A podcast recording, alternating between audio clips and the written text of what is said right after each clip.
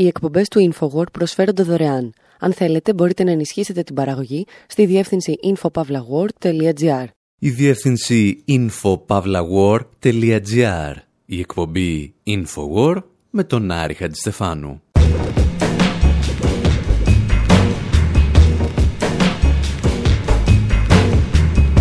Όπου σήμερα παρουσιάζουμε τις καλύτερες τεχνικές που μπορείτε να ακολουθήσετε για να ξεπλύνετε τα εγκλήματα ενός παιδεραστή και ενδεχομένως ένα ολόκληρο δίκτυο μαστροπίας με ανήλικα κορίτσια ή αγόρια. Δείχνουμε πώς να απομακρύνει ηγέτες κρατών από φωτογραφίες όταν αυτοί τυχαίνει να έχουν φίλους μαστροπούς εξηγούμε πώς να χαρακτηρίζεις τίποτα το βιασμό ανήλικων παιδιών. Παρουσιάζουμε τις τεχνικές για να διορίζεις υπουργούς που θα ξεπλύνουν όλους αυτούς τους ανθρώπους. Συζητάμε δηλαδή για την υπόθεση του Τζέφρι Επστίν στις Ηνωμένες Πολιτείες. Και ύστερα στρέφουμε για λίγο την προσοχή μας στον Δημήτρη Κουφοντίνα, λέγοντας μερικές παλιές ιστορίες για τις απεργίες πείνας στο πέρασμα των αιώνων.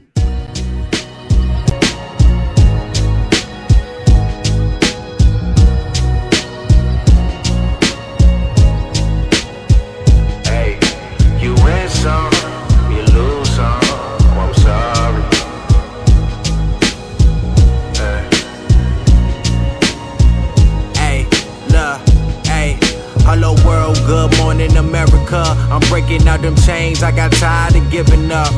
Fucking up your system, make it hard to color us. Street kids, but deep inside we dangerous. We are one till we're none. Life still young, earth still strong. Respect the sun, heal your people till life is one. Now come alive in your dreams, cause sometimes real ain't always what it seems. Huh? You win some, you lose some. I'm sorry. Life change these days. Sometimes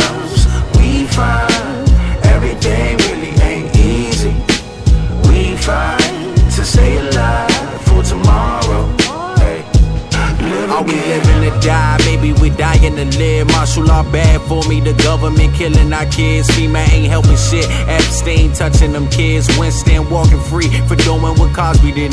This shit amaze me, phase me. Cops killing babies. New world order got these niggas going crazy. Lord willing, we all find pleasure in the truth. But it changes when you living with a different point of view. Cause you win some, you lose some. I'm sorry. Tell them Ο LB 1990Χ ή όπως θα μπορούσαμε να διαβάζουμε στα ελληνικά το όνομα του, διηγείται ιστορίες για δύο διαφορετικούς κόσμους στις Ηνωμένες Πολιτείες. Τραγουδά για τους αστυνομικούς που σκοτώνουν τα παιδιά των μαύρων, αλλά και για τον Επστίν, που μπορούσε να απλώνει τα χέρια του σε ανήλικα παιδιά χωρίς καμία επίπτωση.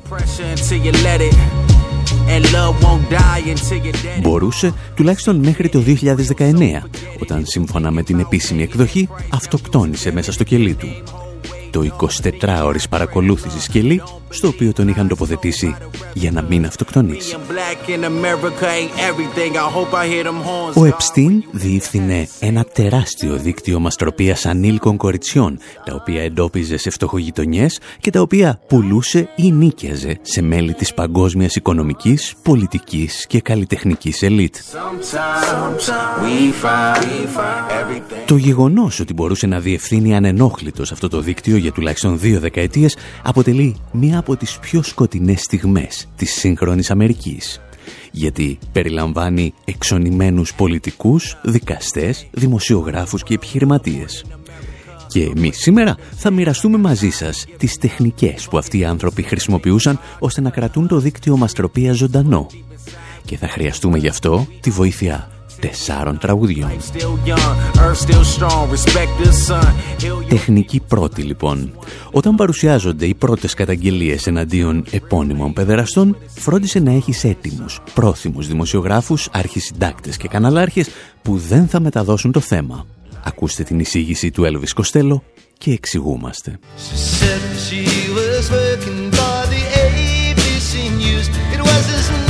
It fetish she knew how to use. Her perfume was unspeakable, it lingered in the air like her eyes.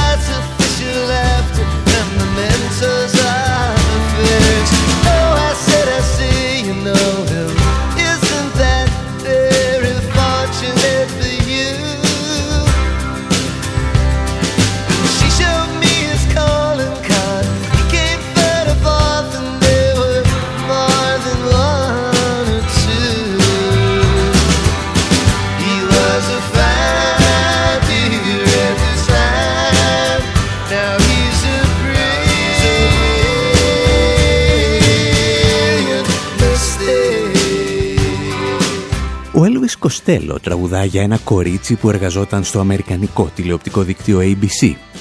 Στη δική μας ιστορία, το κορίτσι αυτό ονομάζεται Amy Robach και είναι μία από τις βασικές παρουσιάστριες του σταθμού. Of America, but it Το 2015 η Ρόμπαχ εξασφάλισε αποκλειστική συνέντευξη με την Virginia Roberts, ένα από τα θύματα του Επστίν, τα οποία κατήγγυλαν ότι ο Αμερικανός χρηματιστής την εξωθούσε να κάνει σεξ με ανθρώπους όπως ο πρίγκιπας Άντριου της Βρετανικής βασιλικής οικογένειας και ο Άλαν Ντέρσοβιτς, ένα από τα πιο προβεβλημένα μέλη του Ισραηλινού λόμπι στην Ουάσιγκτον.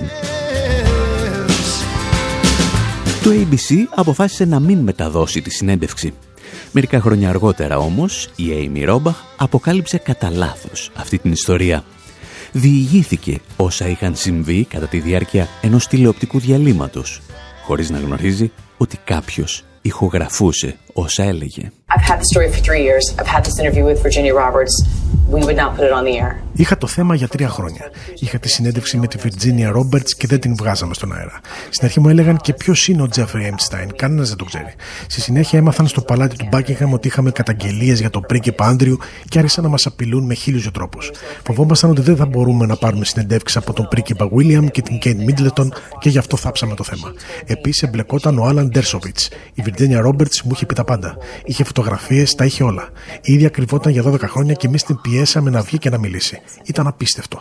Είχαμε και τον Κλίντον, είχαμε τα πάντα. Αν πιστεύω ότι ο Epstein δολοφονήθηκε, είμαι βέβαιη 100%. Είχε στήσει όλη τη ζωή τους σε εκβιασμούς. Συμμετείχαν πολλοί άντρες σε αυτά τα πάρτι. Ήταν πολλοί που επισκέπτονταν τις επαύλει του. Πολλοί ισχυροί άνθρωποι που πήγαιναν στα δεμαρίσματά του.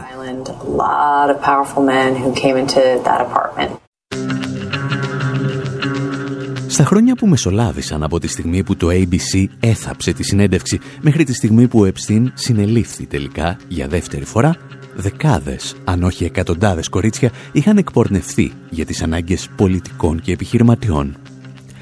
Μερικοί δημοσιογράφοι και αρχισυντάκτες δηλαδή θα μπορούσαν να είχαν σώσει αυτά τα παιδιά, αλλά έκριναν ότι το θέμα δεν έπρεπε να μεταδοθεί.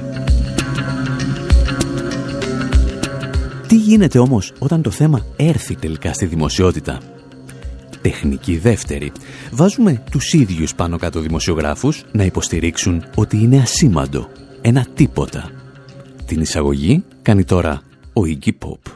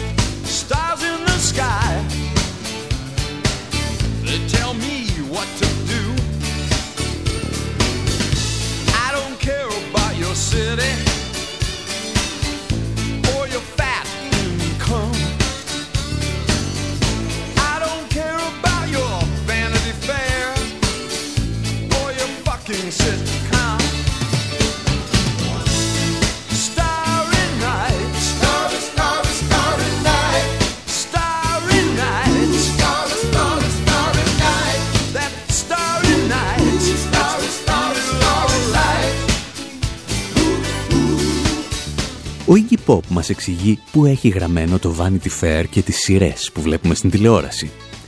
Εμείς πάλι, μακριά από τέτοιου είδους γενικεύσεις, θέλουμε να ασχοληθούμε με ένα συγκεκριμένο περιστατικό στην ιστορία του περιοδικού Vanity Fair. Τα εξηγούσε το κρατικό ραδιόφωνο των Ηνωμένων Πολιτειών NPR. One morning some years ago, Vanity Fair's editor in chief, Graydon Carter, arrived at the magazine's offices in Midtown Manhattan. Νωρίς ένα πρωινό του 2003, ο αρχισυντάκτης του Vanity Fair, Grindon Carter, βρήκε έναν απάντεχο επισκέπτη να τον περιμένει. Ήταν τον Jeffrey Epstein. Το 2002, ο Carter είχε αναθέσει σε μια ρεπόρτερ να ερευνήσει ένα φλέγον ερώτημα. Ποιος είναι αυτός ο Epstein και γιατί ο Bill Clinton και άλλοι διάσημοι ήθελαν να ταξιδεύουν στα προσωπικά του jet;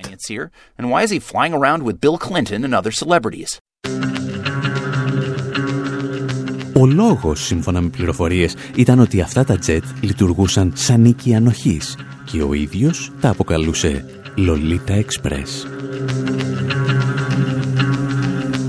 Η δημοσιογράφος που ανέλαβε το θέμα λέγεται Vicky Guard και έκανε υποδειγματικά τη δουλειά της. Συμπτωματικά, εκείνη την εποχή ήταν έγκυος και ο Επστίν σκέφτηκε να της τηλεφωνήσει. Τα εξηγούσε η ίδια μιλώντας στο Democracy Now! Multiple times he wheeled out, you know, all these important bankers and academics and financiers to. to Πολλές φορές κινητοποιούσε σημαντικούς τραπεζίτες, πανεπιστημιακούς και χρηματιστές για να μου μιλήσουν. Με καλούσε συνεχώς στο τηλέφωνο και με απειλούσε. Ξέρεις, Βίκυ, μου έλεγε, αν δεν μου αρέσουν αυτά που θα γράψεις, μπορεί να συμβεί κάτι στο αγέννητο παιδί σου. Something's going to happen to your unborn children. Εκτός από τις τηλεφωνικές απειλές, δημοσιογράφοι του Vanity Fair έλαβαν με το ταχυδρομείο μία σφαίρα με το όνομά τους. Ένας μάλιστα βρήκε στην αυλή του και ένα αποκεφαλισμένο γατάκι. Και κανένας από αυτούς δεν είχε την παραμικρή αμφιβολία για τον αποστολέα αυτών των μηνυμάτων. Παρ' όλα αυτά, η Vicky Guard εντόπισε δύο νεαρά κορίτσια που είχαν πέσει θύματα του Επστίν και δέχθηκαν να μιλήσουν επώνυμα μόνο που το περιοδικό αποφάσισε τελικά να μην δημοσιεύσει ποτέ τις συνεντεύξεις τους. Αντί γι' αυτό έγραψε ένα μάλλον διθυραμβικό κείμενο για τις χρηματιστηριακές επιτυχίες του Επστίν. Και σε αυτό το κείμενο υπήρχε απλώς μία αναφορά πέντε λέξεων στα ερωτικά μικροπτέσματα του Αμερικανού επιχειρηματία. Αυτό που λέμε γνωστός χρηματιστής στο μάτι του κυκλώνα για το τίποτα.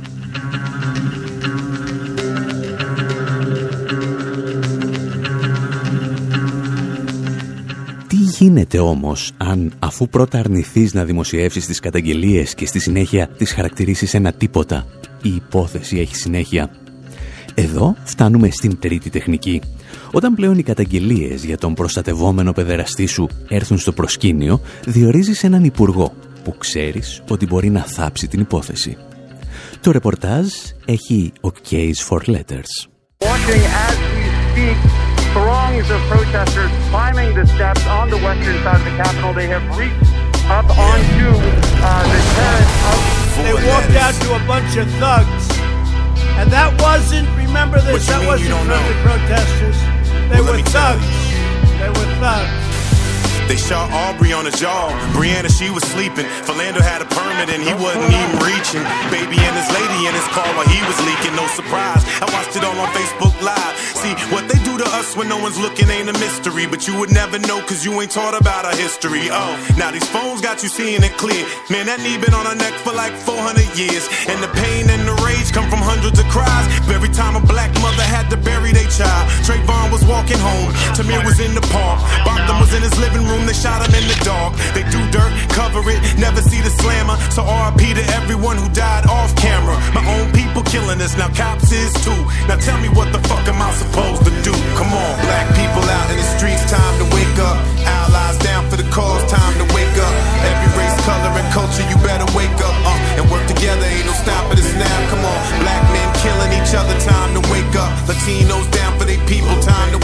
Ο Case for Letters, αν τον προφέρουμε σωστά, διηγείται τις εμπειρίες του ως μαύρος πολίτης επί προεδρίας Ντόναλτ Τραμπ.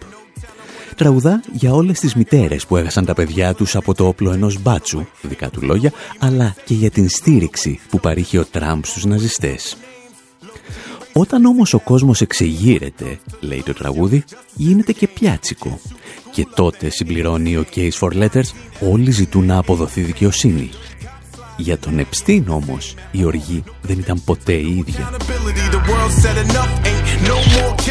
Στην περίπτωση του Επστίν, ο άνθρωπος που φρόντιζε για χρόνια να μην αποδίδεται δικαιοσύνη ήταν ο Αλεξάνδερα Κώστα, ένα παιδί κουβανών εξορίστων που μεγάλωσε στην ακροδεξιά κοινότητα κουβανών του Μαϊάμι. Το 2008 ο Ακώστα ήταν εισαγγελέας όταν έφτασε μπροστά του ένας τεράστιος φάκελος από πολύμηνη έρευνα του FBI για το δίκτυο μαστροπίας του Epstein. Ο φάκελος περιείχε δεκάδες περιστατικά βιασμού ανηλίκων.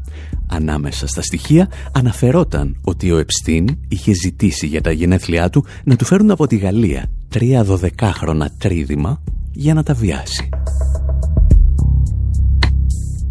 Και τι έκανε το παιδί των κουβανών εξορίστων που τύχαινε να είναι και εισαγγελέας; Έκλεισε εξοδικαστική συμφωνία με τον Επστίν προκειμένου να τερματιστεί η έρευνα του FBI. Ο Μεγιστάνας παιδεραστής καταδικάστηκε σε μόλις 13 μήνες σε πολυετή πτέρυγα φυλακών. Κάθε μέρα μπορούσε να φεύγει από τη φυλακή για 12 ώρες, ενώ ζήτησε οι φύλακές του να φορούν κοστούμια, ώστε να μπορούν να υποδέχονται τους καλεσμένους του στο κελί. Η συμφωνία ήταν φυσικά παράνομη και ο Ακώστα θα έπρεπε να δικαστεί γι' αυτό. Αντί γι' αυτό, όταν ο Τραμπ ήρθε στην εξουσία, τον διόρισε υπουργό, γιατί κάθε Τραμπ που σέβεται τον εαυτό του έχει έναν ή μία υπουργό που προωθεί παιδεραστές. Το νέο ερώτημα που προκύπτει όμως σε αυτό το σημείο είναι τι κάνεις αν όλες οι προηγούμενες τεχνικές αποτύχουν; Αν δηλαδή τα συστημικά μέσα ενημέρωσης απέκρυψαν το ρεπορτάζ για παιδεραστές, εάν όταν αναγκάστηκαν να αναφερθούν στις καταγγελίες της χαρακτήρισαν ασήμαντες και αν ακόμη και οι υπουργοί που στήριζαν τους παιδεραστές δεν μπορούν πλέον να τους προστατεύσουν. Το τελικό βήμα είναι να εξαφανίσεις όλες τις φωτογραφίες πολιτικών που εμφανίζονταν δίπλα στον μαστροπό. Τεχνική νούμερο 4.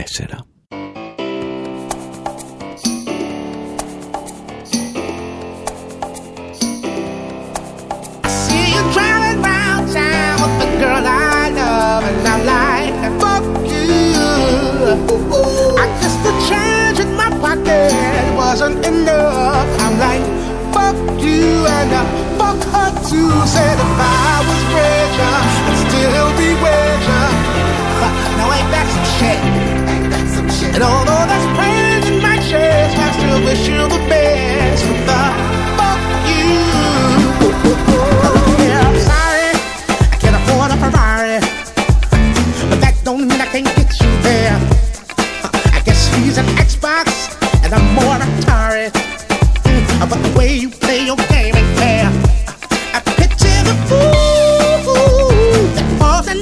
Το τραγούδι που ακούτε δεν θα είχε την παραμικρή σχέση με τη σημερινή εκπομπή εάν ο δημιουργός του, ο CeeLo Green, δεν εμφανιζόταν μία ημέρα στην εκπομπή του Stephen Colbert. Και εκεί ο παρουσιαστής τον παρακάλεσε, εάν θα μπορούσε, να μην λέει «fuck you» στο τραγούδι, να λέει «Fox News». Και έτσι προέκυψε το εξής νέο άσμα. And now performing a certain song off his new album, The Lady Killer. Ladies and gentlemen, CeeLo Green.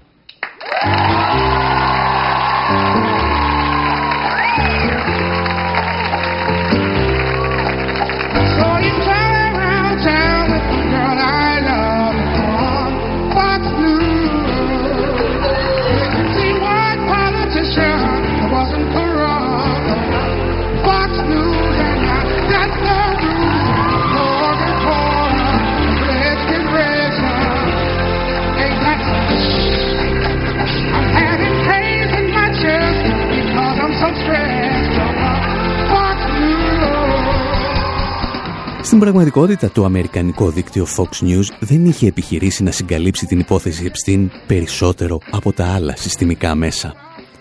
Πολλές φορές μάλιστα χρησιμοποίησε την ιστορία προσπαθώντας να συνδέσει το δίκτυο μαστροπίας με τον Bill Clinton και το κόμμα των Δημοκρατικών. Ένα χρόνο όμως μετά το θάνατο του Epstein στη φυλακή, το δίκτυο παρουσίασε μία από τις περίφημες φωτογραφίες με τον Ντόναλτ και την Μελάνια Τραμπ δίπλα στον Τζέφρι Epstein. Μόνο που από την φωτογραφία έλειπε ως διαμαγείας ο Τραμπ. Ο σταθμός αναγκάστηκε την επόμενη μέρα να ζητήσει συγγνώμη από τους τηλεθεατές του, αποδίδοντας το κόψιμο της φωτογραφίας σε ανθρώπινο λάθος. Αν τους είχαν αφήσει ένα σημείωμα στην αίθουσα σύνταξης που να έλεγε να μην χρησιμοποιούν καθόλου αυτές τις φωτογραφίες με τον πολιτικό ηγέτη της χώρας δίπλα σε έναν βιαστή και μαστροπό ανηλίκων, δεν θα είχε υπάρξει ποτέ κανένα πρόβλημα. Αλλά πότε ήξεραν να κάνουν τηλεόραση οι Αμερικάνοι για να μάθουν τώρα;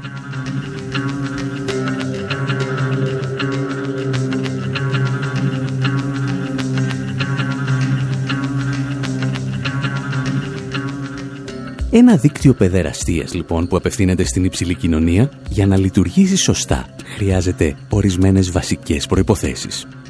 Χρειάζεται δημοσιογράφους που δεν θα γράφουν αυτά που βλέπουν, εισαγγελείς και δικαστές που δεν θα δικάζουν αυτά που ξέρουν και έναν στοιχειοδός έξυπνο αρχισυντάκτη που δεν θα δείξει τον πρωθυπουργό της χώρας και τη γυναίκα του δίπλα σε έναν παιδεραστή. Όλα τα άλλα βρίσκονται. Για την ιστορία βέβαια θα πρέπει να σημειώσουμε ότι δεν πηγαίνουν πάντα όλα κατευχήν. Χάρη στο έργο γενναίων δημοσιογράφων μιας μικρής εφημερίδας, της Miami Herald, το δίκτυο του Epstein αποκαλύφθηκε. Ο Υπουργός Δικαιοσύνης, Αλεξάνδερα Κώστα, αναγκάστηκε να παραιτηθεί και ο Epstein, που γνώριζε πολλά για πολλούς, βρέθηκε νεκρός στο κελί του. Γι' αυτό, αν έχετε κάποια καταγγελία και σας τρομάξαμε λίγο ότι όλα μπορούν να συγκαλυφθούν, να θυμάστε ότι τελικά τίποτα δεν μένει για πάντα κρυφό.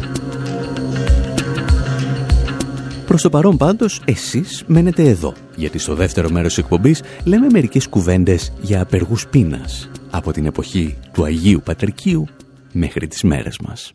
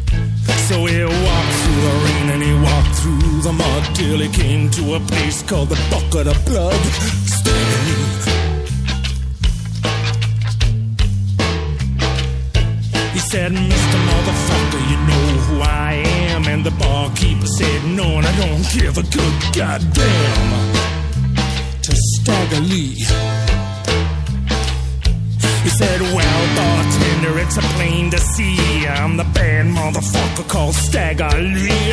Mr. Stagger Lee.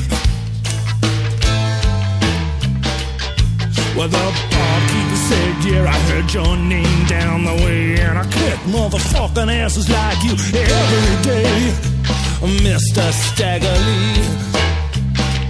Well, I, those were the last words that the barkeep said, cause Stag put four holes in his motherfucking head.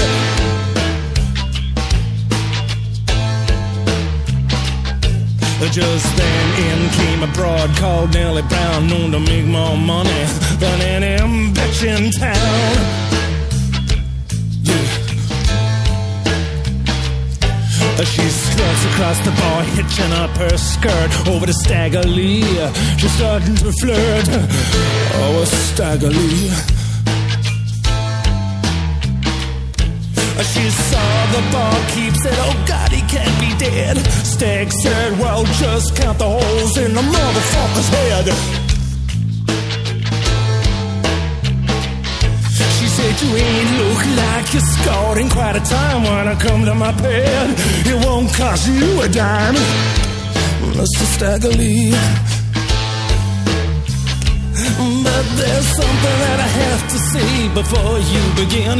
You have to be gone before my man Billy Dilly comes in. Mr. Staggerly.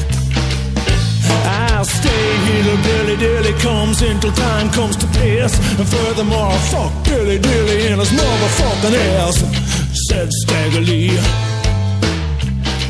I'm a bad motherfucker, don't you know? And I'll crawl over 50 good pussies just to get to one fat boy's asshole. Said Stagger Lee.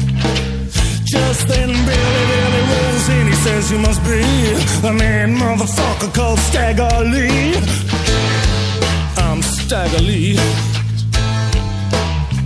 Yeah, I'm Stagger Lee, and you better get down on your knees and suck my dick, because if you don't, you're gonna be dead. He Said Stagger Lee. Billy dropped down and slobbered on his head, and Stig filled him full of lead.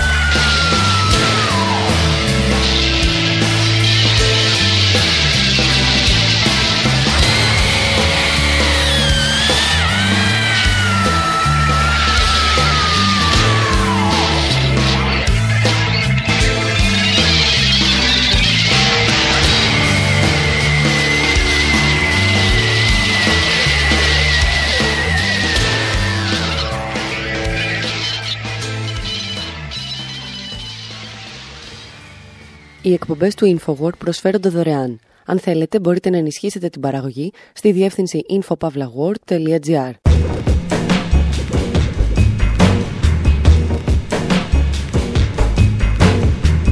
όπου σήμερα με αφορμή την απεργία πείνας του Δημήτρη Κουφοντίνα θυμόμαστε παλιές ιστορίες για απεργούς πείνας από τον Άγιο Πατρίκιο μέχρι τις ημέρες μας. Συζητάμε για αποστόλους της βίας και ιεραποστόλους της μη βίας, οι οποίοι θυσίασαν τη ζωή τους. Διαπιστώνουμε ότι στη συντριπτική πλειονότητα των περιπτώσεων το αίτημά τους ήταν απλώς η εφαρμογή του κράτους δικαίου. Το θέμα θα μας απασχολήσει αρκετές φορές σε αυτή τη ραδιοφωνική χρονιά, καθώς φέτος συμπληρώνονται και 40 χρόνια από την απεργία του Μπόμπι Σάντς και των συντρόφων του από τον Ιρλανδικό Δημοκρατικό Στρατό.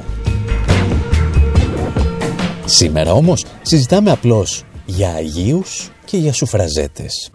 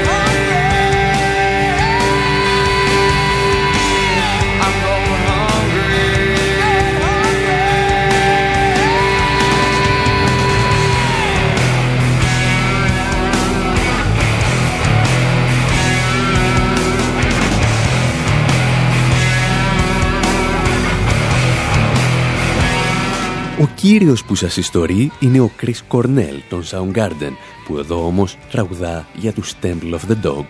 Και το όνομα του τραγουδιού, Hunger Strike, απεργία πείνας. Δεν με πειράζει, λέει ο Κρίς, να κλέβω το ψωμί από το στόμα των διεφθαρμένων όταν έχουν τους σκλάβους να δουλεύουν και έχουν αίμα πάνω στο τραπέζι τους. Αν και ο Κορνέλ χρησιμοποιεί τον τίτλο περισσότερο σαν λογοπαίγνιο, οι στίχοι αποκαλύπτουν μια βασική αρχή. Ότι στην ιστορία οι απεργοί πείνας ήταν σχεδόν πάντα προστάτες των αδυνάτων και τιμωροί των ισχυρών. Όποια μέθοδο και αν αποφάσιζαν να ακολουθήσουν για το στόχο τους, είτε ήταν σωστή ή λανθασμένη, διακατέχονταν από μια βαθιά ηθική και έναν ακόμη βαθύτερο ανθρωπισμό. Ίσως άλλωστε γι' αυτό το λόγο ο πρώτος γνωστός απεργός πείνας στην ιστορία αγιοποιήθηκε.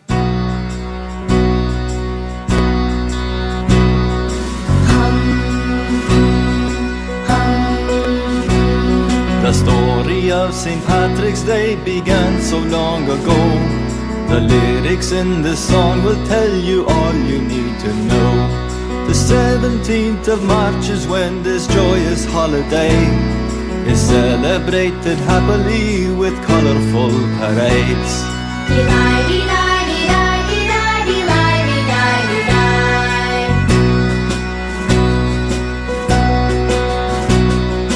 Patrick was only 16 when the pirates captured him.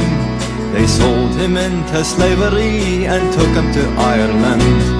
He kept the faith and made his escape when he was 22 and made it back to Britain. 'Twas the only home he knew.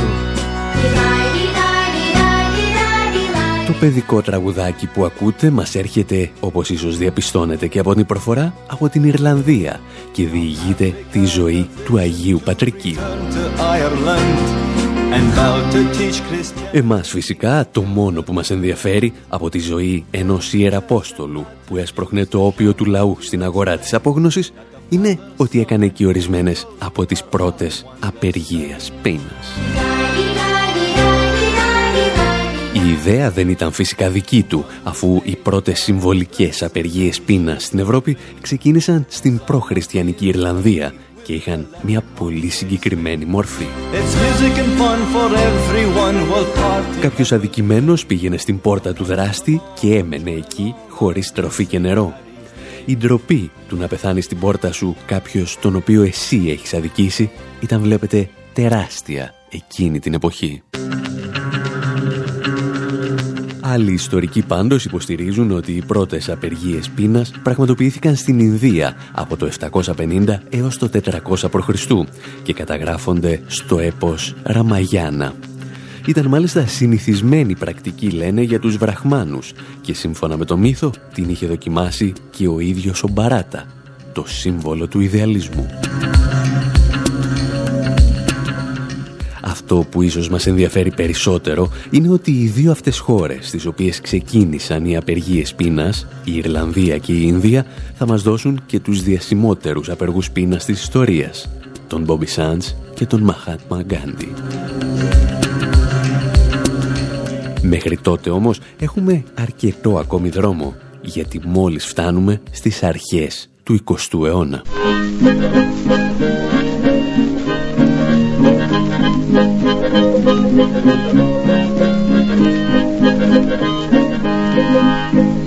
Some fine morning we'll all awake to find the stand that the women will take. They'll change this world all upside down. We'll have a lady mayor in every town. They'll spend all the money we poor men make to run the country. They'll undertake to say that the men do not advance. So think it's time that the women had the pants.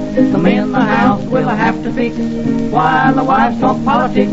They're going to the legislative halls. They say they're going to make the laws. The old maid will be in power then. They'll try to marry all single men. And the man who refuses to take a wife will have to go to the pen for life. The men will have to take back seats while the women police the streets.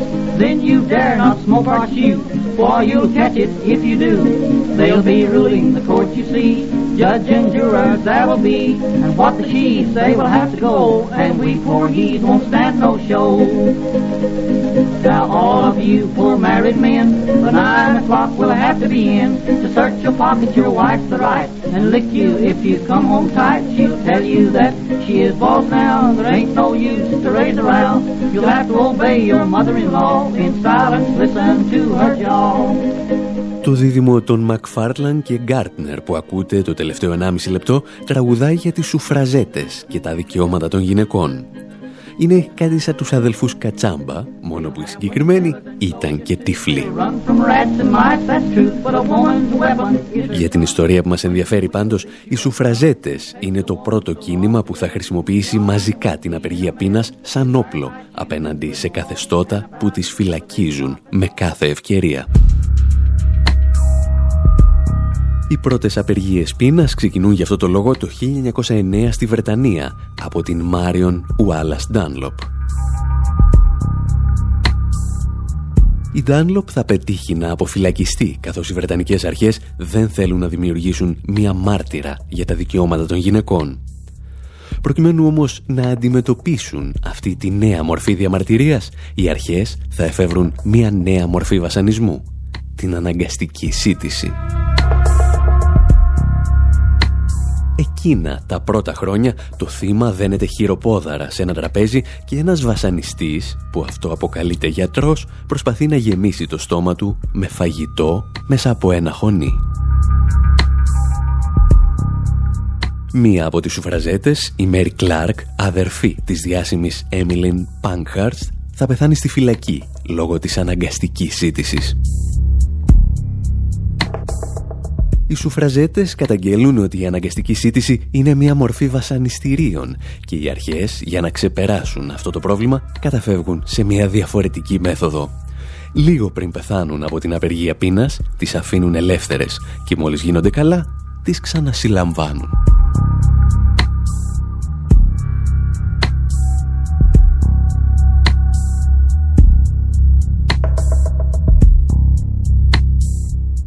Σχεδόν έναν αιώνα αργότερα το βασανιστήριο που λέγεται αναγκαστική σύντηση θα απασχολήσει και πάλι την ανθρωπότητα. Και αυτή τη φορά οι βασανιστές είναι Αμερικανοί, Ισραηλινοί και ενδυνάμοι Έλληνες.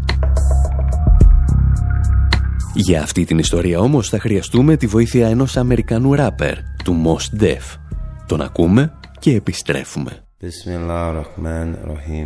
You're living at a time of extremism, a time of revolution, a time when there's got to be a change. People in power have misused it, and now there has to be a change, and a better world has to be built, and the only way it's going to be built is with extreme methods. And I, for one, will join in with anyone, don't care what color you are, as long as you want to change this miserable condition that exists on this earth. Thank you. Wow, y'all, babe.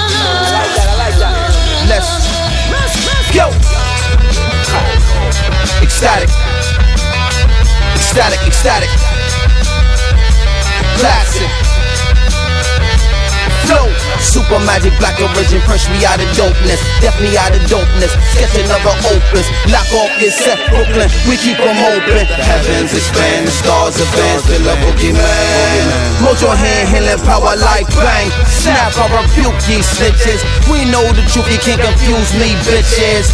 Great name, greater than all your riches. Y'all Dante, Flacco Bay, that's the business. Repeat, I rebuke these snitches. We know the truth, you can't confuse me, bitches. Strong magic that busts all you with this Cherokee chief. Rock a bunch of rocket, no stopping, let's get it.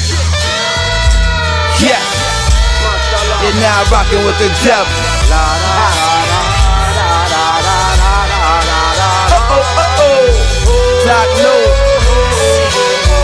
Clang, clang. It's like heartbeat.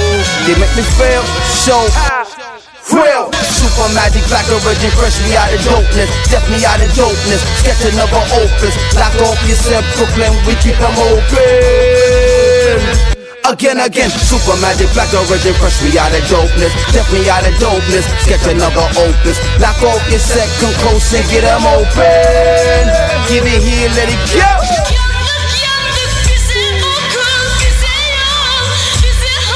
Ecstasy. Uh huh, uh huh, uh huh. The heavens advance, the stars expand, feel a boogeyman. Ο κύριος που ακούτε λέγεται Yasin Bey, αλλά οι περισσότεροι τον ξέρουν ως Mos Def. Στην Ευρώπη δε, οι περισσότεροι τον έχουν γνωρίσει σαν ηθοποιό στις ταινίες The Hitchhiker's Guide to the Galaxy και The Italian Job, αλλά και σε σύριαλ όπως το Dexter. Εμάς πάλι μας ενδιαφέρει η ιδιότητα του ακτιβιστή, αλλά και του πολέμιου κάθε αστυνομικής βαναυσότητας. Magnetic, the flows are athletic. Dimensions are effective, whether static or kinetic is power. Past pressure and mass beyond measure. You can place him wherever he.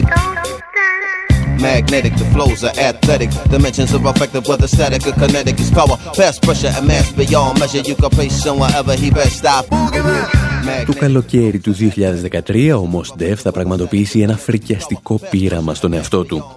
Είναι η εποχή που οι κρατούμενοι στον Γκουαντάναμο πραγματοποιούν απεργία πείνας και οι δεσμοφύλακές τους τους χορηγούν φαγητό δια της βίας από τη μύτη. Προκειμένου να δείξει στην ανθρωπότητα τι συμβαίνει στο Αμερικανικό κολαστήριο, ο Μοσντεφ δέχεται να τον κινηματογραφήσουν σε αναγκαστική σύντηση. My name is Yasin Bey. And I'm here today to demonstrate the standard operation. Ονομάζομαι Γιασίν Μπέι και σήμερα θα σας παρουσιάσω την τυπική διαδικασία για την αναγκαστική σύντηση κατουμένων στο Κουαντάναμο. Καλή σας ημέρα.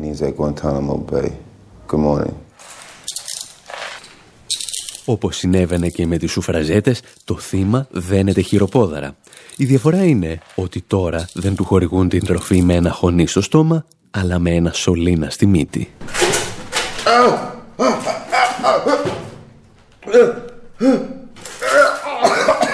Η βασικότερη διαφορά όμως ανάμεσα στον Αμερικανό ράπερ και σε όσα συμβαίνουν στους κρατούμενους του Γκουαντάναμο είναι ότι ο πρώτος βασανίζεται μέσα σε ένα τηλεοπτικό στούντιο και όταν πλέον κινδυνεύει να πνιγεί ζητά από τους εικονικούς του δεσμοφύλακες να σταματήσουν. Stop! Stop! Stop! Stop! Stop it! Stop! Οι Αμερικανοί θα πάρουν δικαίως τη ρετσινιά των βασανιστών για όσα συμβαίνουν στον Γκουαντάναμο. Στην πραγματικότητα όμως είναι απλώς μαθητές. Και ο δάσκαλός τους είναι ένα κράτος που τα τελευταία χρόνια πραγματοποιεί ορισμένα από τα φρικτότερα βασανιστήρια στον κόσμο. Το κράτος του Ισραήλ. Προκειμένου να τελειοποιήσουν μάλιστα τη βίαιη χορήγηση τροφής σε απεργούς πείνας, Αμερικανοί αξιωματούχοι του Πενταγώνου προσκαλούν το 2013 Ισραηλινούς γιατρούς που χρησιμοποιούν εδώ και δεκαετίες παρόμοιες τεχνικές. Όπως αποκάλυψε τότε η Ισραηλινή εφημερίδα Haaretz, το βασικό πρόβλημα των Αμερικανών βασανιστών δεν ήταν φυσικά πώς να ταΐσουν δια της βίας τα θύματα τους, αλλά πώς να περιορίσουν το επικοινωνιακό κόστος και την αρνητική δημοσιότητα. Και επειδή οι Ισραηλινοί ήταν οι πρώτοι διδάξαντες στο βασανισμό Παλαιστινίων πολιτικών κρατουμένων με αναγκαστική σύντηση, σκέφτηκαν να πατεντάρουν την ιδέα τους και με ένα νόμο. Τα εξηγούσε το καλοκαίρι του 2014 το Press TV. Benjamin Netanyahu has instructed his cabinet to speed up the discussions on the bill which has already... Ο Βενιαμίν Νετανιάχου διέταξε το Υπουργικό Συμβούλιο να επιταχύνει τις συνομιλίες για το νομοσχέδιο που ψηφίστηκε στην πρώτη ανάγνωσή του στο Ισραηλινό Κοινοβούλιο. Το νομοσχέδιο θα περάσει τώρα δεύτερη και τρίτη ανάγνωση στην Κνεσέτ. Τουλάχιστον 120 Παλαιστίνοι πραγματοποιούν απεργία πείνας εδώ και 40 ημέρες, καθώς κρατούνται χωρίς να τους έχουν απαγγελθεί κατηγορίες. Δεκάδες οδηγήθηκαν σε νοσοκομεία. Το Γραφείο Ανθρωπίνων Δικαιωμάτων του ΟΗΕ έχει ήδη καταδικάσει την αναγκαστική σύνδεση κατουμένων στο Κουαντάναμο σαν βασανιστήριο και παραβίαση του διεθνούς δικαίου.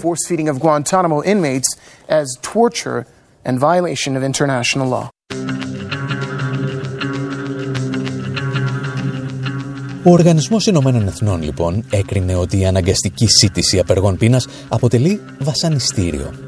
Παρ' όλα αυτά, στην Ελλάδα προτάθηκε τόσο στην απεργία πείνας του Νίκου Ρωμανού, όσο και του Δημήτρη Κουφοντίνα. Δύο απεργών, οι οποίοι να σημειωθεί ότι το μόνο που ζήτησαν ήταν η εφαρμογή των αρχών και των κανόνων του κράτους δικαίου.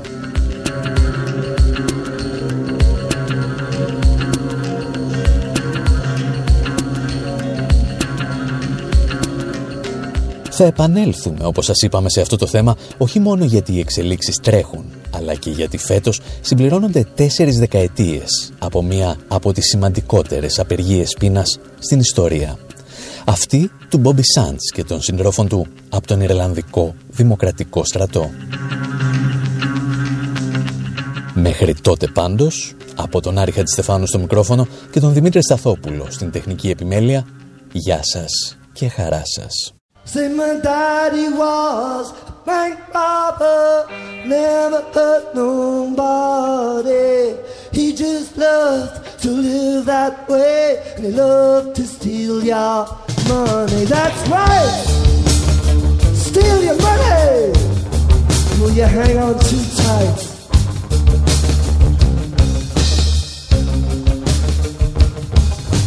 So we came to jazz it up. I never loved that shovel. Break your back to earn your pay. Don't forget to grovel. Some is rich, some is poor. That's the way they say the world is.